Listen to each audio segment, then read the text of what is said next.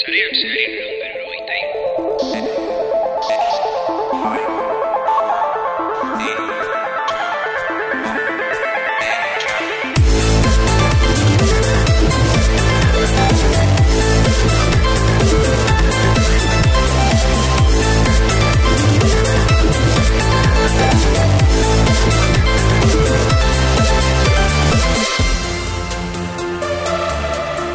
Zarean zehar honen hasieran eh, Ada Lovelace buruz eh, hitz egingo dugu. Pasaden eh, urriaren amarrean bere eguna ospatu delako. Urriaren bigarren aste artean eh, ospatzen den eguna eh, batez ere, ba, bueno, eh, em, emakumearen papera teknologian eh, el, bueno, aldarrikatzeko eta eh, gogoratzeko beste gauza batzu, batzuz, eh, batzuen artean barkatu emakumeak direla eh, euneko geita bosta gutxi gora bera zintzea arloko e, irakas, ikasketetan.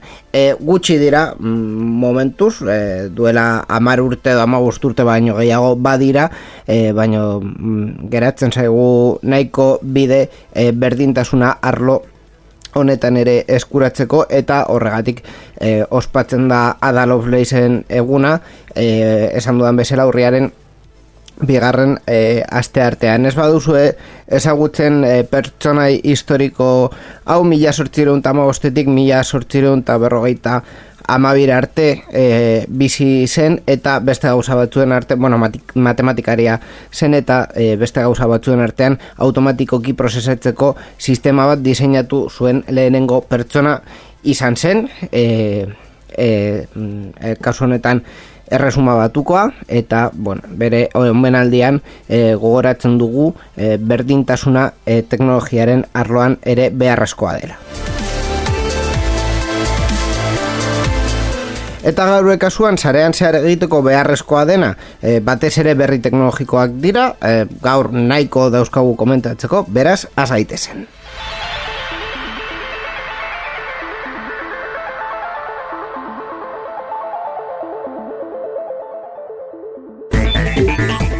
Irratsaio hau Creative Commons aitortu ez komertziala partekatu berdin lau puntu zero nazioarteko lizentziarekin banatzen da. Horrek esan nahi du gure edukiak nahi beste partekatu ditzazkezula. Informazio gehiago nahi baduzu josarean zehar.eus webgunera.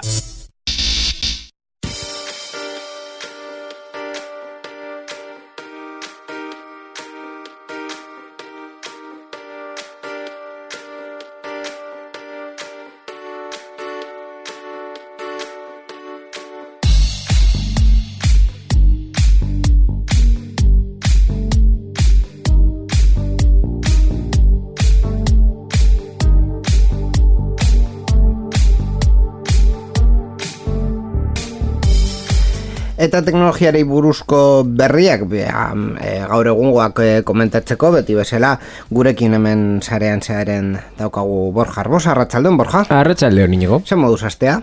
Bueno, ondo esango dugu, ni ustez eh, ez nuen espero baino mm, berri gehiago dauzkagu, eta batzuk interesgarriak dira eta guzti. Egia, egia, horrela, horrela da kostatu zaigu nahiko, baina, bueno, berri interesgarri batzuk e, dauzkagu. E, berri askarrak baditugu ere, baina, bueno, beti bezala, e, utziko dizut, e, bueno, ia berri guztiak nik idatzi ditudanez, ba, utziko dizut, zuk aukeratzea daukagu e, desinformazioaren e, kontua Europar batasunarekin, e, ere Europako jakebarei buruz hitz egin dezakegu, baita e, errea, bueno, e, bai, realan, e, realan, real mm, sociedad e, futbol taldean gertatu denari buruz, metari buruz ere, eta ADSL-eren e, kontua daukagu zen nahi duzu horrela azteko. Ba, lehenik eta behin ustez albiste informazio publikoak eman beharko ditugu zibererasoak gertatzen direnean jendea jakitea eh, lehen bai lehen. Eh, importantea delako, ezta? eh, zarean zer entzuten, agian lehen bailen ez da izango, eh? Bueno. En Europako movida ja duela egun batzuk izan dela. Eta enteratzen badira gurekin, ba, hobeto. Hobeto, hori Egia da, ba, Ere Europari buruz hitz egiten eh, hasiko gara zibereraso batek Ere Europa egazkin konpainiaren webgunean erosketak egiten dituzten bezeroen bankuko datuak agerian jarri dituelako eh, gaizkilek kreditu txartelen zenbakia eta eskutuko datu guztiak eskuratu baitituzte. Hau da, bai e, zenbakia, bai e, iraungitze data, bai e, CVV deitzen den kodea ere, datu guztiak e, hor e, dauzkate ziber e, maltzurrek. E, Kompainiaren sistemako arduradunek e, bai estatu dute arazoa, Antza, online eroskiten onde ordeinketa sistema jakeatu dutela eta miaka bezeren txarteren datuak, esa, komentatu ditugunak, ostu dituzte e, konpainiaren arabera ja duela egun batzuk e, komentatu zutenean kontu hau e, haiek da, dakiene, dakitenez ez da iruzurrik e, egin datu hoiekin dena dela arriskuan egon daitezkeen besorak mezu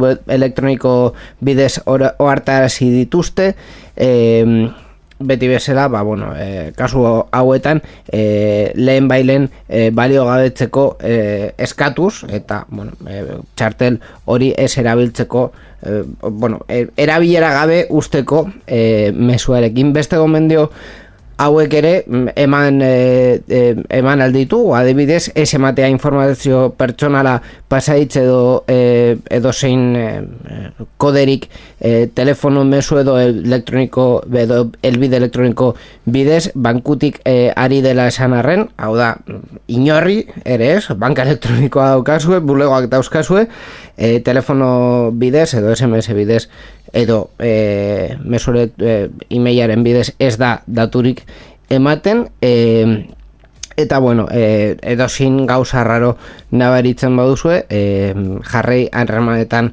e, banketxearekin bide egistagarrien bidez. Hau da normalean e, banka elektronikoaren bidez edo bulegoetan. E, hau izan da kontua nahi baduzu pizkat gehiago sakundu dezakegu mm, eh, jakeoaren bideetan, baina bueno, konkretuki izan da kode maltzurra jarri dutela eh, Euro Europako webgunean eh, konkretuki ordainketa formulario horretan eta horrekin eskuratu dituzte datuak. A, a, egin dutena kasu honetan e, ziber maltsurrak izan da e, web horrialdearen kodea aldatu. E, nola ditzen bai, da form euskeraz... jakin e, kontu honekin, bai. Iturri kodea? Edo um, bere Bai. webgunearen iturri kodea aldatu eta horrekin lortzea e, ba, datuak e, eskuratzea. Bai, horrela izan da, e, eskuratu dute sarrera e, zerbitzari horretara eta horrekin e, webgunearen kodea aldatu dute e, formulario hori aldatzeko eta e, erosketa egiten zen bitartean e, gaizto hauei e, datuak bidaltzeko ere. Bai, baina arraroa iruditzen zaidan gauza bat da e, datu horiek gordetzen zirela beraien web horri aldetan. Hori ez da oso normala den gauza bat? Hor dago kontu honen gakoren bat. E, normalean, mm, e, ordenket, online ordenketa hauek e, Espainian behintzat, e, daukagunez e, sektore bankario bat neko e, multzotuta, e, operagailu batek egiten egiten du dela redsis normalean. E, e, ikusi duzue kasu askotan ordainketak egiteko e, saltzailearen webgunetik e, beste webgune batera eramaten zaituela e, navegadoreak eta horretan ba, banku baten webgune ikusten da baina elbidean jartzen du redsis.es vale? beste e, bide batzuk badaude adibidez Paypal baina normalean e, datu hauek sartzen dira e, ordainketa egiten duen sistemaren webgunean e, niri horregatik nahiko arraro iruditzen zait e, ere Europaren aukera hau Bitartekari baten da, bidez e, egiten dela, hori esan nahi duzu. Hau da, e. Redsys, zein Paypal, zein nahi duzun sistema erabiltzen duzu. Baina, e, zuk zeu enpresa bat, basara, eta marketplace bat baduzu zure web orrialdean normalean marketplace leku e, berezi bat, leku eskutu bat edo ja normalean hirugarren parte bat, bitartekari bat kudeatzen duen leku bat da. Orduan Claro. ez dago aukerarik e, zure bezeroen datu hoiek lortzeko. Claro. Izen abizenak, e, nan, a, be, mm, be, be, beren elbidea, hori bai, izan dezakete, baina ordainketa erregistro sistema batekin, baina hori da. E, orduan, e, bueno, Claro, kasu, eh, hori, hori da nire... azalpen nire- asko eman beharko dute e, ere Europan. Ez, ez dute asko eman baina. Bueno, hori, hori da azkenean nire harridura. E, hau egiteko modu, seguruena da, eh, esan dugun bezala, bitartekari bat erabiltzea. Eta zu, zure webgunean, zure datu basean, bakarrik ordetzen duzu, e, ordainketa egin den edo ez. Listo. Zu, es, eskatzen dio zu zerbitzu horri ordainketa kudeatzea, eta zerbitzu horrek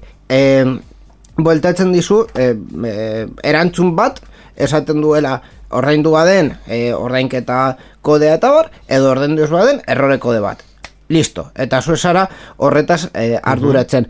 Modu seguruena da, batez ere RedSys, PayPal eta horrelakoek ja badakitelako zer e, gertatzen den edo ze, o- nola e, jarri aldiren haien buruak arriskuan eta ja konpondu dute. Hau da, RedSysen ezin duzu form jakin bat e, form, form jakin deitzen zen e, bai, form jakin bat egin ezin, e, ez, ez dagoelako aukera ja, haiek ikusi eta berri ikusi dute haien sistemak eta badakite hori simplemente ez dela posible. Egin aldena edo batzuk egiten dutena da phishing, hau da web orrialde faltsuak egin eta Claro. hori bai egin dutela e, kodea aldatuz, e, web orrialden kodea aldatuz, e, birbideraketak e, bere e, lekuetara eraman. Hau da, zu normalean ordaintzen duz- duzunean zuen nabigatzaileak esaten du, e, e, web orrialde honetik kanpo juten zara, birbideraketa bat egingo dugu eta jungo zara e, web orrialde honetara ordainketa egiterakoan. Hori Eta da. ordain, ordainketa eginda dagoenean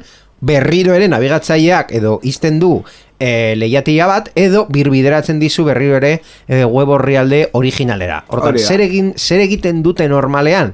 Egiten dute fisina edo e, web orrialde faltsu bat. Eta zu juten zara web orrialde horretara eta hor sartzen dituzu batuak eta hortik bai ateratzen dituzte. Baina nola saiesten duzu hori nabigatzailea noski konfidantzako zertifikatuak izaten duenean eta horrelako konfidantza ze- zertifikatuak zu zure nabigatzailearen goikaldean ikusten duzu eh, kandado bat normalean eh, kolore berdea daukana, bueno, kasuen Bai. nabigatzailean depende zein, Bai. baina eh, horrek esaten dizu eh, zauden, zu zauden lekuan konfidantzazko leku bat dela eta zein zertifikatu erabiltzen du eta noren da beren jabea Bueno, ja, oie ja, guztia. ja ez hainbeste jabearena eta bar, bai ikusi behar, behar dela, e, ja, ja webgune guztiek badaukate e, kandado hori eta e, normalean ziurtagiri hori erabiltzen da, baina ikusi behar da konkretuki ere e, nor den e, webgune horren jabea eta zein den elbidea. Dena den hori da bide erresena. E, claro, e, webguneak ez badauka e, mm, segurtasun arazorik, hori da bide erresena, baina horrekin ez normalean ez dituzu e, banku datuak eskuratzen, eskuratzen duzuna dira datu pertsonak, ba hori suplantazioak egiteko, Bai. eta bar. E, bide erresena eta merkeena bada, baina ematen dizun datuak ez dira e, kalitate askokoa eta normalean e, nahiko harin harrapatzen dituzte horrelako e, horrelako atakeak. Mm, claro, e, badakizu e, osea, e, badago egotekotan e, webgunean arazoren bat, se- segurtasun arazoren bat, kodea sartu albaduzu e, webgune horretan askoz datu fidagarriagoak eskuratzen dituzu eta konkretuki kasu honetan bankuko datuak dirua ateratzeko aukera ere ematen dizuta. Beste gauza bat nahiko barregarria niretzat izan dela e, deklarazio hauek guk dakigula ez da iruzurrik egin datuokin. Ja, eh, kezu dakizula agian ez da e, esaldi, zuk esan alduzun esaldi hobeagoa. Claro, claro, claro. Ah, Imagina esazu, eh, ez dakit, eh, poliziak esate, ez, gu, gu dakigula ez, ez dago maltzurrik hemen, ez dugu inor ikusten. Eta, bueno, agian arazoa da zu esarela polizia ona, eta badaude maltzurrak gauzak Claro. egiten, eta zu zara konturatu, orduan, gutxienez hori ez esan. Claro. E, gainera, e, mesu hau bota zuten e, hau jakin eta bi gehienez hiru egunetara, orduan, claro, e, hiru egunetan detektatu dira e, erabilera horiek, ba, ziurrenik ez. E, ziurrenik ez. Hau ja, duela egun batzuk e, gertatu zen, konkretuki e, hau izan argitaratu zen, amarrean, Ada Lovelace egunean, argitaratu zen, kasualitatez, orduan, eh, ja, egun batzuk, bi aste pasa, pasa dira, ez da eser gehiago esan. Baina, klar, inork ez du esango e, estafak edo egon direla datu hauekin. e, dena den, mm, gure entzulegoen artean, norbaitek mm, nabaritzen badu, zerbait arraro, e, haien bankuetara, e, joatea esan beharko e, diegu batez ere bankuan esan aldietelako konkretuki mm, zer gertatu den eta e, behar bada ze pausu jarraitu behar diren. Normalean dela saraketa bat jarri eta e, bankuak edo bisa sistema orokorrean bisa edo mastercard sistema orokorrean e, horren kargu egiten dira e, dirua bueltatzeko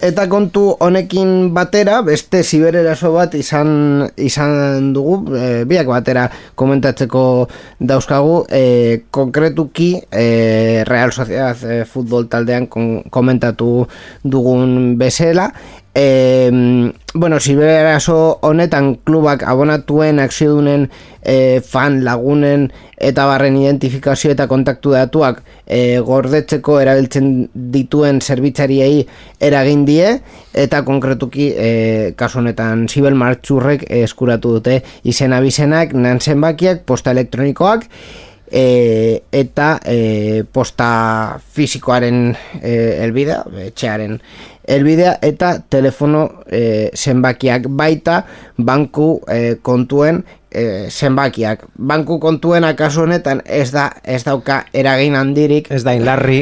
Claro, banku e, e, zenbaki batekin, e, akontu zenbaki batekin, hobeto esan da, Eh, Ezin duzu bakarrik diru atera. Claro, er, recibo bat pasa dezakezu bai, baina jasotzen duena e, uste dut hiru hilabete da euskala bai. bueltatzeko recibo bidez egiten baduzu. Bai, ez, ez da hainbesterako. Se, bat jarriko dio bai. kontu, a ber, ez, ez, ez da e, e, gertatuko. Zein da honen arazoa e, pertsonak ordezkatzeko e, e, arriskua dagoela datu mm, hauekin. Uh eragina, por cierto, e, ia e, guztientzat izan, izan da, er, erakunde publikoen datuak ere e, hartu dituzte hemendik, claro, erakunde publikoen datuak publikoak dira. Bai.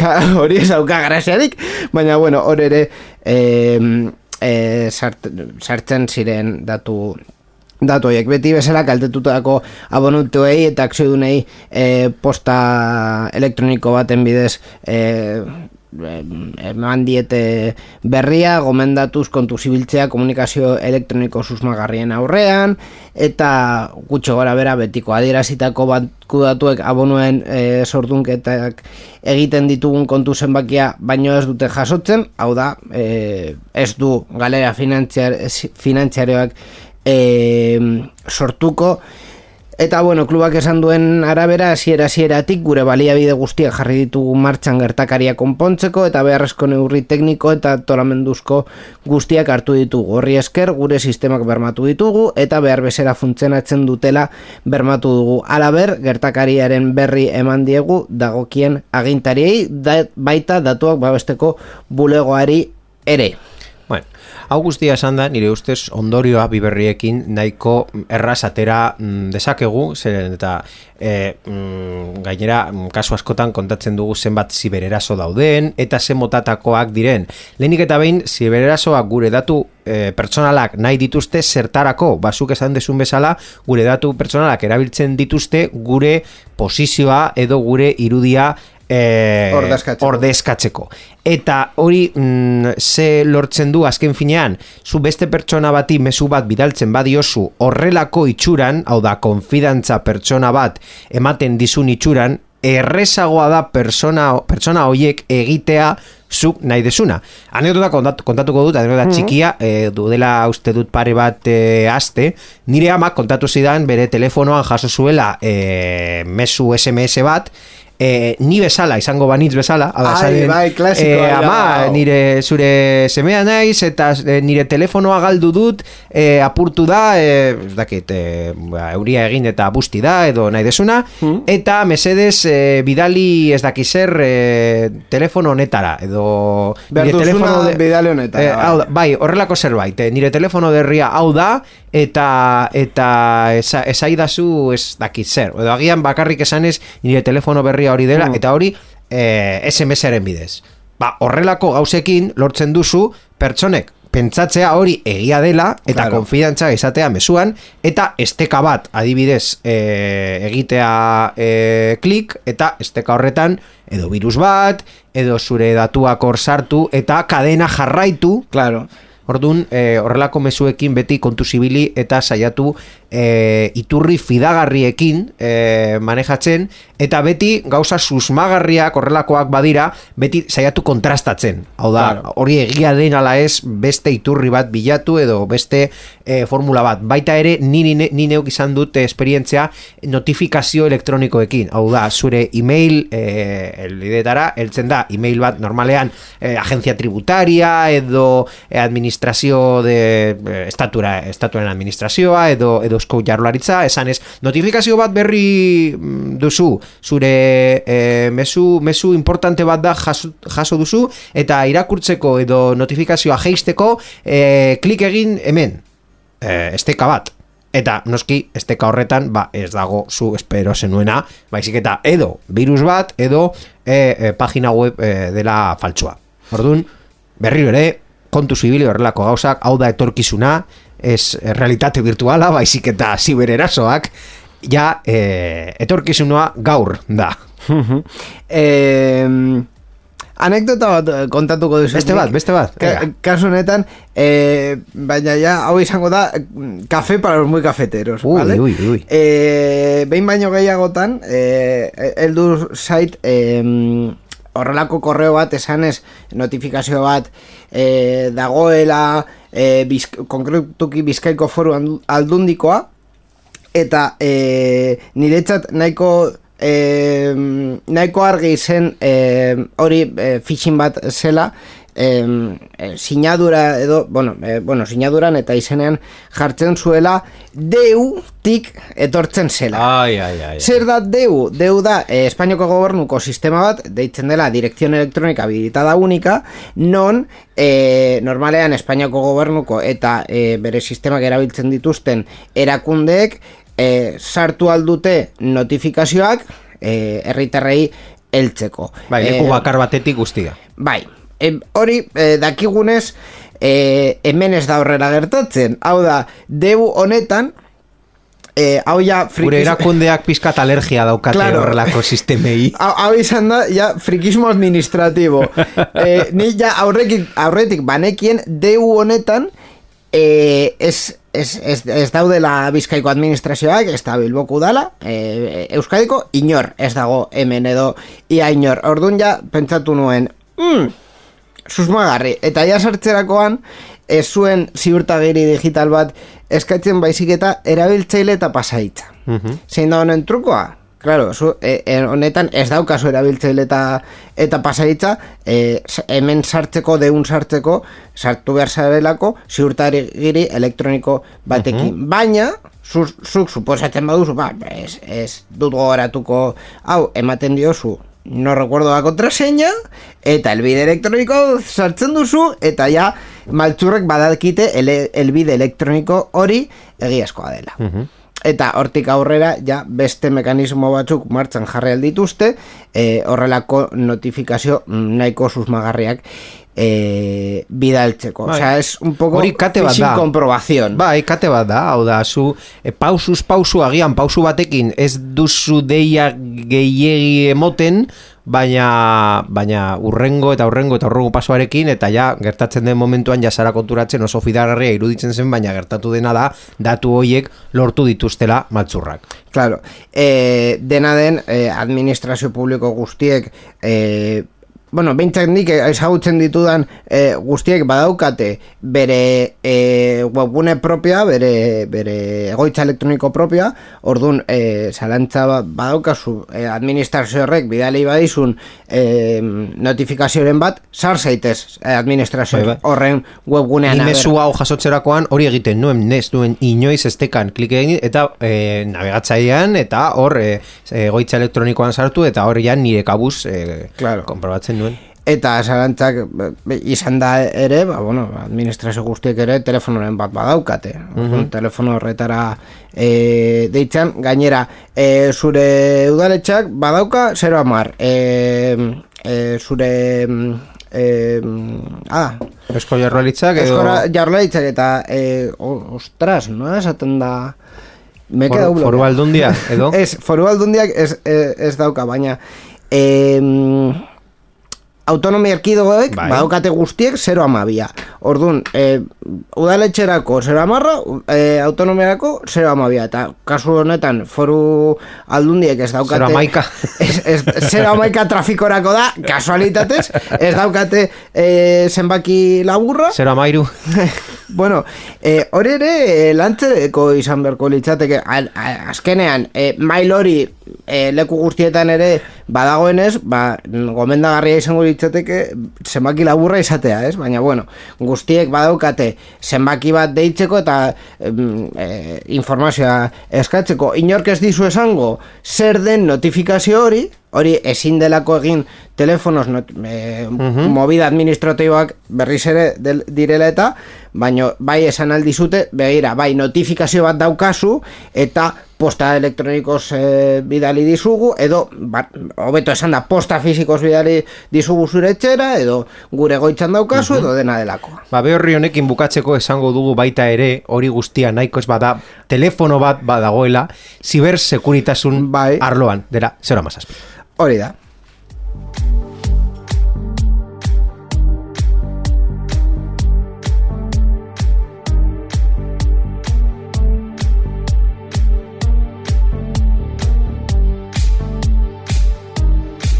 Eta ja zerbitzu publikoko eh, abisuak bukatuta, eh, ze gehiago nahi duzu, Borja, Meta, DSL, eh, ze gehiago daukago mendik, Europar batasuna... Europar batasuna, ja. Europar batasuna. Ja, ja denbora asko gure superheroia etorri barik, etorri beharko da. Bueno, ba, deituko diogu, eh, ez daki, es, oi, eske, eske, eske, azken, azken egunetan, o, batez ere eh, Israel eta Hamas arteko gerra dela eta gure superheroia ez dago oso ondo. Osea, Ui. se ha metido un barrizales gure superheroia... Politika hau hemen ez, da, ez dugu jorratzen, ver, hau ez- teknologia ez- bakarrik Ez dugu jorratuko, baino, en fin, eh, nire, nire iritzia, nire iritzia, vale, letra larriz, nire iritzia, eh, Europar batasunak mm, alde bat eh, hartu du eta niretzat ez da alde egokia. Ah, eta espero zenuen, alde bat beti hartzen dute. Bai, alde bat hartzea, Hor, hor, alde bat hartzea normala dira, zure kasuan, zu ez zaudela ados, ados eh, alde horrekin,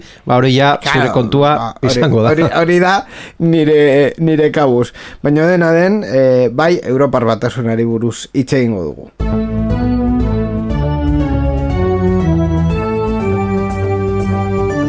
Europar batasunaren berria. Zarean zehar. Eta kasu honetan Europar batasuna aldea eh, hartu arren eh, abisua ere eman du Europako batzordeak konkretuki errekime- errekibiremendu formal bana bidali dielako meta eta TikTok enpresei ekialde hurbileko gerrari buruz desinformazioa saiesteko zein neurri hartu dituzten argitzeko. Eh, Europako komisaria... Komi, komisa, eh, Komisario, Ursula von der Leyen se da Europako komisaria, ezta? presidente. Presidentea. Bai, Euro komisioaren presidentea. Europako komisioaren presidentearen akontua bertan bere ustea ez da neurri bat izango, bale? Ez, Baina ez da neurri bat izango. en fin, em, txiste hau egiteko zenbat eh, oztopo izan ditu. Dan. Ui, en ui, fin, bai.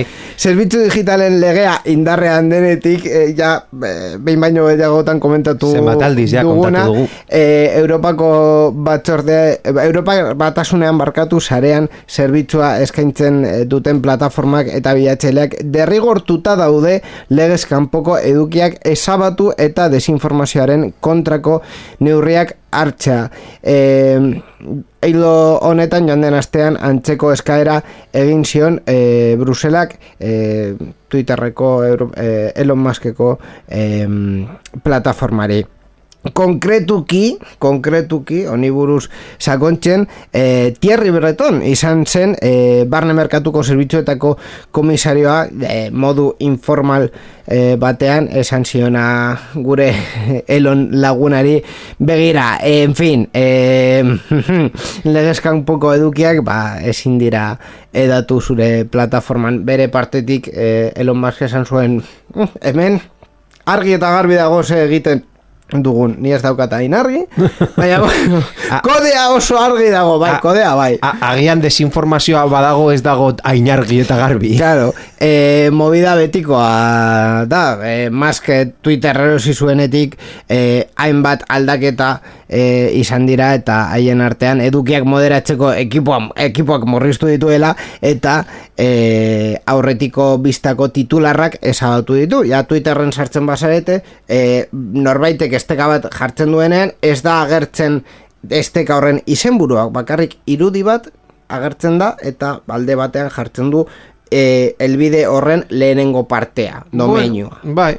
A ber, mm, gauza batzuk komentatu aldira kasu honetan. Ba, nik ikusten, ikusi dudana, ba, egia da, azkenengo bolada honetan, azkenengo urtean, batez ere, gerrak direla eta noski, e, Ukrania eta Rusiaren arteko gerra agian ez dugu hainbeste ikusi, baina egon da, eta kasu honetan e, Israel eta Palestina daukaten konfliktu armado honetan, baita ere, e, ba, inbeste gatazka izan dira e, informazioa edo desinformazioaren arloan. Eta ze egiten du, e, eske ez dakit Twitter X, eske X oso raro. Twitter, eh, Isa, ez duzu dakit Twitter. Esango du Twitter. E, Twitter egiten duera. El, em, titularrera, bueno, mm, erdiondo erdigaizki zenen, bai egia dela, titularrekin kasu askotan e, errazagoa dela desinformatzea, zeren azkenean titular asko clickbait direla, Claro. titularak ez dutela ondo kontatzen berriaren trasfondo guztia, eta e, erabiltzaileari pizka bat pedagogia egin beharko diosula, esan ez, bale, hemen dago estekau, informazio hau ematen du, baina irakurri ezazu guztia, mesedez, ez, Claro. ez geratu bakarrik pertsona honik esaten duen e, mm, ez dakit, e, Mezuarekin. resumen edo, edo mesua edo, edo bueno, nahi desuna alde hortik ba, ondo. Eta gero implantatu duten gauza edo nik ikusi dudan gauza implantatuta da e, komunitatearen komentarioak. Hau da, pizka bat nola erreminta bat e, buloak desmentitzeko edo informazio partziala pizka kontrastatzeko. Hau da, zuk ikusten duzu e, adibidez, eh, esan dezakegu berri batekin baina baita ere iritzi batekin, pertsona batek dela importante, influencer edo pertsonai politiko, intelektual edo nahi desuna. E, iritzi bat usten du e, tweet batean eta be, iritzi horren bukaeran komunitateak bere notak jartzen dizkiote. E, datu hau faltsua da eta jartzen dute iturria oso ondo dagoen gauza bat. Hau da nik e, nota hoiek ondo iruditzen zait. O, e, gutxienez, e, nota horiek existitzea, zeren azken finean, mm, desinformazioaren arazoa da, mesua heltzen da, eta zu mesua mm, e, erosten duzu, edo ez duzu erosten, baina bueno, pentsa dezakegun erosten duzula. Eta gero, mesu hori desmentitzen denean, edo mesu hori e, beste iturri bat esaten duenean ez dela egia, agian zu hori ez duzu ikusten eta geratzen zara bakarrik lehenengo mezuarekin eta egi, egitzat jotzen duzu.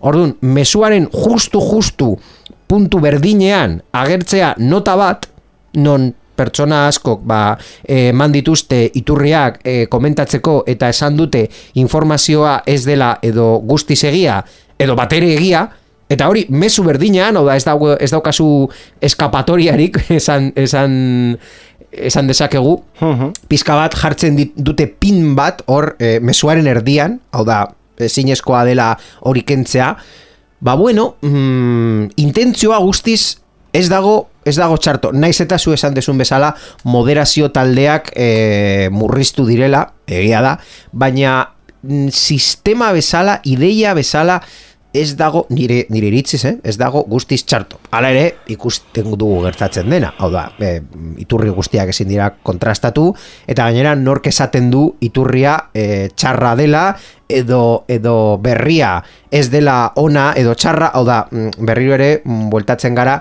e, komunitateak ez direla bere kabuz moderatuko. Claro, hori da, e, kontu hauen e, aldi bat. Ose, a ber, egia da, adibidez, e, azken egunetan e, e, eskuineko, eskuin, eskuineko pertsona batek ez dut ez da bere izena esango, baina badakizu, eh, eskuin eskuineko lider horren eh, mesuan jarri dutela eh, post hau eh, X Twitterren eh, arauen kontra dagoela, baina eh, interesgarria den ez hemen jartzen dugu eta barnoske, osea, alde batetik bai neurriak eh, hartzen dira, baino egia da ere eh, mm, duela urte bat edo bi e, hartzen ziren neurriak gaurkoekin konparatuta geroz eta moderazio gutxiago dago Twitterren geroz eta e, horrelako diskurtsoak e, askoz edatzen dira, askoz gehiago edatzen dira e, plataforma honetan, eta egia da komunitatearen oharrak oso erabilgarriak direla, baina komunitatearen oharrak horiek dira, komunitatearena. Bai. Orduan, eh, claro, Baina eh, zein, da, Batasunak- zein da hemen autoritate fidagarria pertsona batek egia edo gezurra esaten duen ba, baietz edo zetz. Hau da, Egia dugu hemen- a ber, Borja, egia dugu zuerra ez kontua da, Europar batasunak, osea, ja, eh, arlo legal batean jarriko gara, ja, ez moral batean, legal batean. Europar batasunak esan du, gustatu edo ez, Eu- Europar batasunak esan du, eh, Europan, plataform, horrelako plataforma bat izateko, plataforma izan behar da, e, horretan jartzen diren mesuen arduraduna eta moderazio bat izan behar dela eta e, behar bada e, e, a, bueno, be, beharrezkoa dela hobeto esan da araudi bat izatea eta araudiaren kontra joaten direnak joaten diren mezuak esabatu behar direla. Hori esan du Europak argi eta garbi Gustatzen zaigun neurri hau, lege hau, bai, ez, hori eztabaidatu dezakegu. Bai. Baina lehenengo pausua izango da lege honekin betetzea. bai. Eta gero ja, e, ez da bai da. Or, ordun, gaur egun, nork egin behar da, e, egin, e, izan behar du, hobeto esan da, honen ardura, Twitter. Mhm. Ya está, punto. Bai, bai, bai. Hortik, hortik aurrera, horrela izan behar da, bai esango nizuke, baietz, e, e, azkenean, e, arau, arauak, e, plataforma berak jartzen dituelako, eta arau horiek betetzeko, edo betearazteko, erramita bat izan e, behar dela. Ba, e, mundu errealean poliziak dagoen bezala, eta poliziak egia da legeak betearazten dituela asterisko, hau da, kasu batzutan, e, egoera hori e, neurtzen dute eta ikusten dute, aber, horretan sartzea konsekoentzia gehiago izango dituen edo ez, vale, te compro argumento, ok, e, baino plataforma berak, e, uste dut izan behar dela, eta uste dut Europar batasunaren e, posizioa kontu honetan nahiko logika daukala. Bai, bai, ni e, e, e, legea ez dauka eztabaidarik, hau da, zuk esan duzun bezala, legeak hori esaten du, eta plataforma mm, Twitter eta beste guztiak legea bete behar dutenez, ba hori egin behar dute, hori hori nahiko argi dago. E, nik eztabaida jartzen dut hori izango lirateken edo ez e, modu oberena horrelako aktibitateak edo horrelako jarduera kontrolatzeko. Hau da, zer da hobeago gauza hauek gertatzen direnean? E, edukia ezabatzea, eta e, kasu honetan aukera emotea edukia egin duen pertsonari esateko hau da zentsura, nire kontran daude egia esaten dudalako eta beste leku batean hori posible den lekua beti egongo dela leku bat hori egote, egiteko e, horrelako mezuak zabaltzea esanez ni hemen egia esaten dut eta horregatik baneatu didate edo mesua mantendu baina esanez zu post batekin edo postit edo edo txintxeta edo nahi desun kartel batekin, hau da, seinalatu, edukia jarri eta seinalatu esanez eduki hori dela faltsua, dela maltsurra, dela eh, ilegala, nahi desuna, baina eh, jendeak ikustea edukiarekin batera, eh, sententzia edo eh, mm, bai, eh, kondena, bueno, nahi, nahi desun esan eh, s- señalizazio hori. Eta gero, claro, be, beste galdera, horrek eh, sistema hori ontzat ematen badugu, nor izango da epailea, nor izango da eh, esaten duena, e, eh, hori gaizki dago eta jarriko dizut, hor txintxeta bat, edo postit, edo nahi desun seinalea, nor jartzen du, zeren eh, Twitter edo plataformak esaten badu, bueltatzen bara gara lehenengo pausura, hau zentsura, ez didate eh, niri, eh, ez, ez dute ni gustoko edo, bueno, nahi desuna, Hmm. komunitateak agian, esat, pentsat, pentsa dezakegun, hau da teoria bat, agian komunitatea imparzial pizka bat ideia gehiago ematen du, edo gizta bat anonimotasun gehiago ematen du, zu ezin duzulako seinalatu Pepito Pérez hau egin du. Zer, azkenean komunitatea, nor da komunitatea? Ja. Twitterren dagoen jendea? Ba, zu ezin duzuen zan demokratikoki. Que, hau, ze, eh, komunitatea nire kontran da... Bueno, bai, esan dezakegun, Bai. esan dezakezu nahi desuna, baina, bueno, eh, pizka Bai, bat, bai, irudi eh, gehiago, impartzialtasun irudi gehiago ematen du, eh, zure paie bat baino. Twitter kasunan moderatzaile, baina nahi, nahi desun idea. Hau da, Bai- Baina eski kasu Bueno. batzutan ez, ez da nahikoa komunika- komunitatearen moderazio horrekin. Hau da, ni nabarit, eh, satituko nuke kontu hau hiru hiru mailetan. Eh, batez ere e, pertsonaren errelevantzia kontuan hartuta. Hau da, pertsona ez ezagun bat jartzen badu gauza oso ilegal bat Twitterren, niretzat, e, plataformak hartu, e, sartu beharko zuen e, eskua eta esan begira, zu, fuera, listo. Osea, ya está. Ez zara pertsona e, importante bat, zu esaten duzuna, pues mira, lo que sea, baina kasu honetan ez da garrantzitsua zuk esaten du zuk esan duzuna, baizik eta mesua. Eta mesu hori e, beste guztion eskubideen kontra doanez, ba mesu hori fuera. Eta e, gero ja pertsonaren kontua ja ikusiko dugu, baina mesu hori fuera.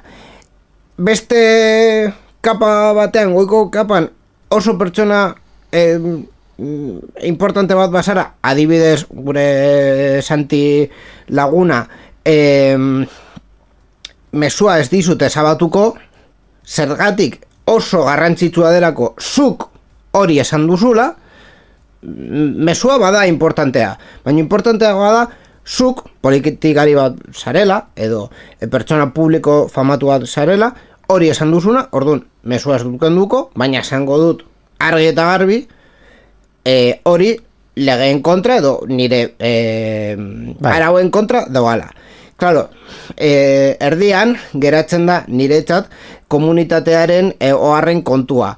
Ez oso importantea, baina bueno, eh, esan duzuna ere ez da oso ilegala, eh, Ba, kuestionable izan legal daiteke. eta ilegalen arloan oso zona azken bat, Claro. batzutan gris dago ezen Claro. gauza interpretatu eta noski eh, legea ez da ez da ezin da izan eh, guzti subjetiboa, zorrotza ez, ezinezkoa, orduan kasu askotan den lege bat eh, aplikatzeko ezinezkoa da. Bai, Eta bai, hori ikusi da historian zehar. Bai. Orduan, franja gris horretan, ba, bai, komunitatearen oharrak niretzat nahikoak dira. Hau da, ez duzu gauza oso larri esan, baino ez, den, ez denez zuzena, edo e, mm, txorrada bat denez, edo dena delakoa, ohar bat jarriko Orduan zu dizut. sistema misto bat aplikaztuko zenuke. Ni sistema misto bat aplikatuko nuke De hecho, gaur egungo sistema oso ondo iruditzen zait, baina niretzat goian eta behan dauden e, erramintak gutxi dira. Hau da, moderazio gutxi dago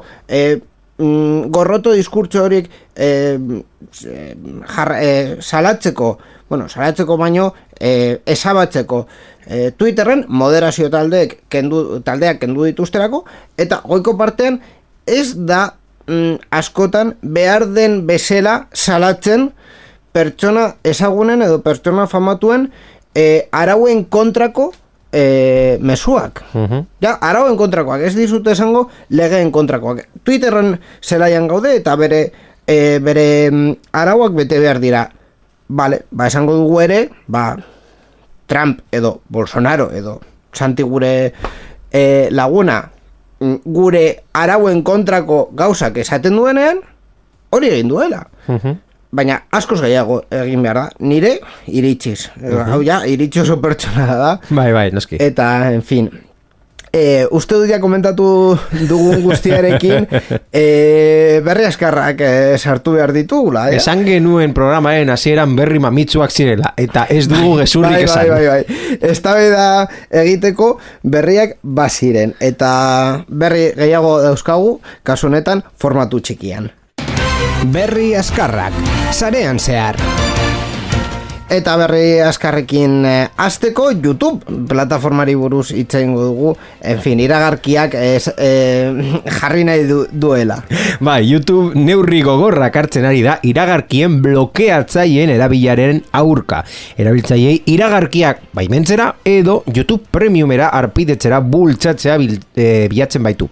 Hasieran iragarki blokeatzaileak ez zeudela baimenduta ohartarazten hasi zen eta bideo reproduzitzailea desaktibatzearekin mehatxatu zuten hiru aldiz esperimentu global baten parte gisa erabili ondoren. Duela gutxi ja YouTubek ahaleginak areagotu zituen eta iragarkien blokeatzaileak erabiltzen dituzten. Erabiltzaileek osagarri horien kontrako ohartarazpena pantalla harrapaketak partera, partekatu zituzten. YouTubeko bosera maile batek baiestatu zuen iragarkiak blokeatzen dituzten erabiltzaileei. Iragarkiak baimentzeko edo YouTube Premium probatzeko eskatzen ari direla. Pentsatzen baduzue YouTube em, baita ere debalde dela, ba ez, zuen eh, datuen eta zuen iragarkien, eh, en fin, visualizazioak nahi dituzte, eski, zein de zalantza Netflix presioak eske ja berri eskarretan jarri dugu ja ez delako berria. Netflix presioak igo eta planak kenduko ditu. Bai, lehenik eta behin Netflixek iragarri du prezioek gora egingo dutela hainbat herrialdetan, Espainian barne, estatu batuetan, erresuma batuan, Frantzian, aldaketak bai estatu dituzte, planen prezioan, A Espainian ez dute aldaketarik iragarri planen prezioetan oraindik, baina hala ere Netflixek Espainian eta beste herrialde batzuetan oinarrizko planaren aukera ezabatuko du. Hau da, plan merkeena baitzen, eta eurokoa. sortzi eurokoa bai, aldi bereko reprodukzioa ahalbidetzen baitzuen, eta urrengo astetik aurrera erabiltzaile berriek iragarkiak dituen plana edo plan garestienak eh, baino ezingo dituzte aukeratu.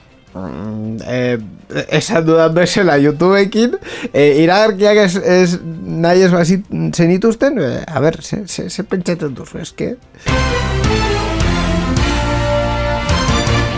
Eta eh, azken berri askarra datuak babesteko Espainiako agentziari buruz salmenta deiak grabatzea gomendatzen duela. Bai, dei gorrotagarri hoiek ja geldiarazteko gogoratu dezagun ja debekatuta daudela legez, urte honetan ja konkretuki lege berri baketekin debekatu. Eskerrik asko gar, el garzón Garzón izan zen Bai, bai, bai, bai.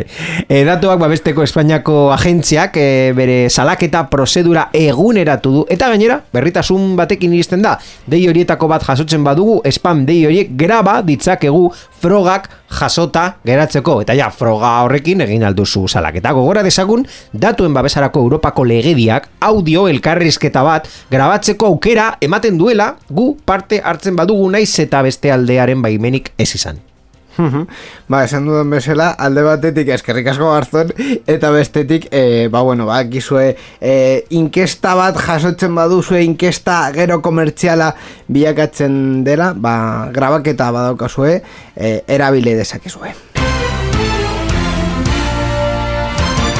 Eta hemen ez dira berri askarrek bukatuko, sorpresa Borja, komentatu nahi nuelako, e, konkretuki Euskadin gertatuko e, delako ADSL-aren itxiera prozesua martxan jarraitzen e, duela e, telefonikak, eta konkretuki aste honetan iragarri dute haien kasu komplikatu bat izan dela Donostiko San Marcial e, zentralaren e, itxiera. Kasu honetan, e, bueno, nahiko komplikatua izan da, e, donostiko alde zaharrean ematen zuelako zerbitzua eta horretan zuntza jartzeko donostiko e, udaletxeak Donostiku udalak hobeto esan da, barkatu, e, Donostiku udalak e, nahiko arazo jarri e, dielako.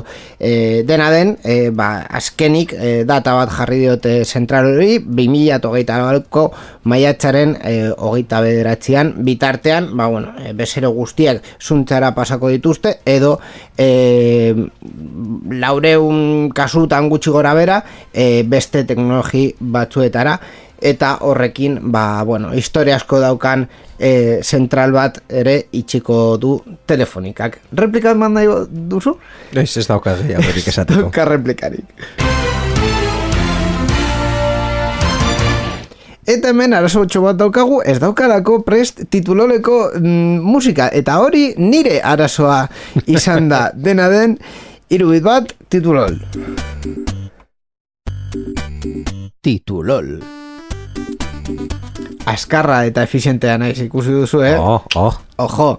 En fin, titulol, ja, hau, eh, ez ezaguna den, eh, ez ezaguna niretzaten eh, berri bat komentatzeko eh, momentua, berri laburra espero dut, baina, eh, en fin, geroz eta mm, eh, komplikatu da daukazu eh, atal hau, ni berri asko irakurri ditu darako Bai. azken egunetan, gidoia egiteko, orduan, eh, Egia da. a- harridura bilatzeko, uh, Bueno, nah. saiatuko gara, ber. Saiatu, Eh, tituloraren protagonista Google, konpainia da.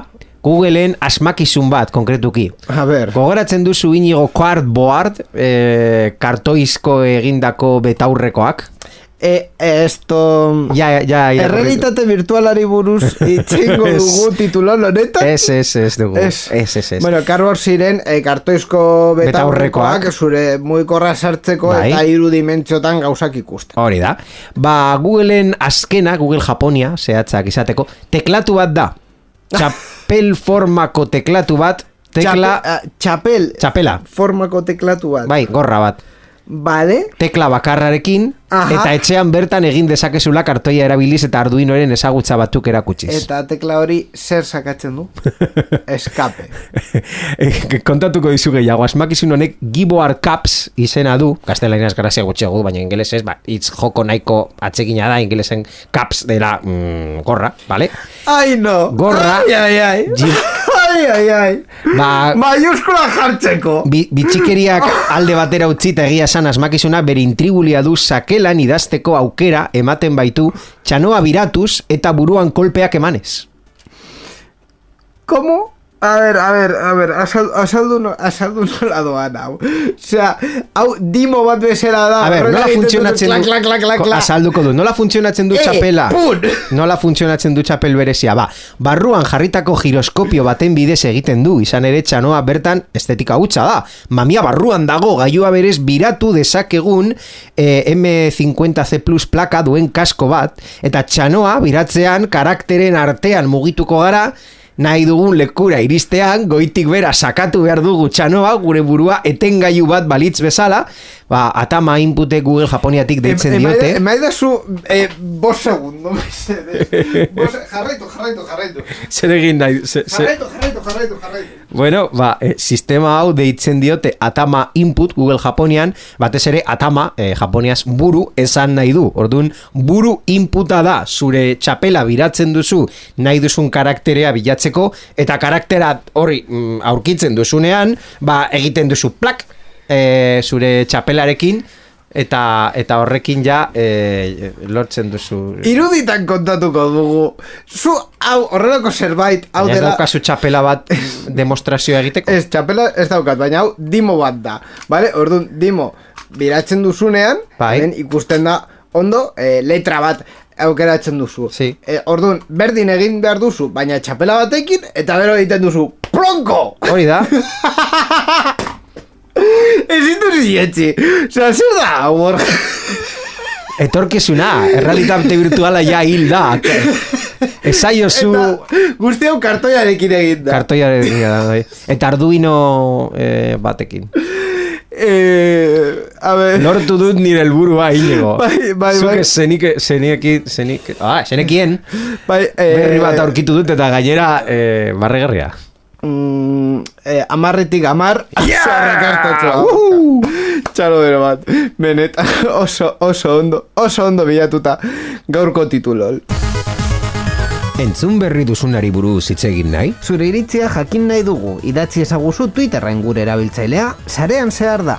Gure Twitcheko emanaldietan ere parte hartu eta zure iritzia eman dezakezu programa egiten dugun bitartean. Twitch.tv barra sarean zehar. Gainera, zure ekitaldiaren edo ideiaren berri eman nahi baduzu, posta elektronikora idatz diezagukezu info abildua sarean zehar.eus. Sarean zehar, zure mezuen zain.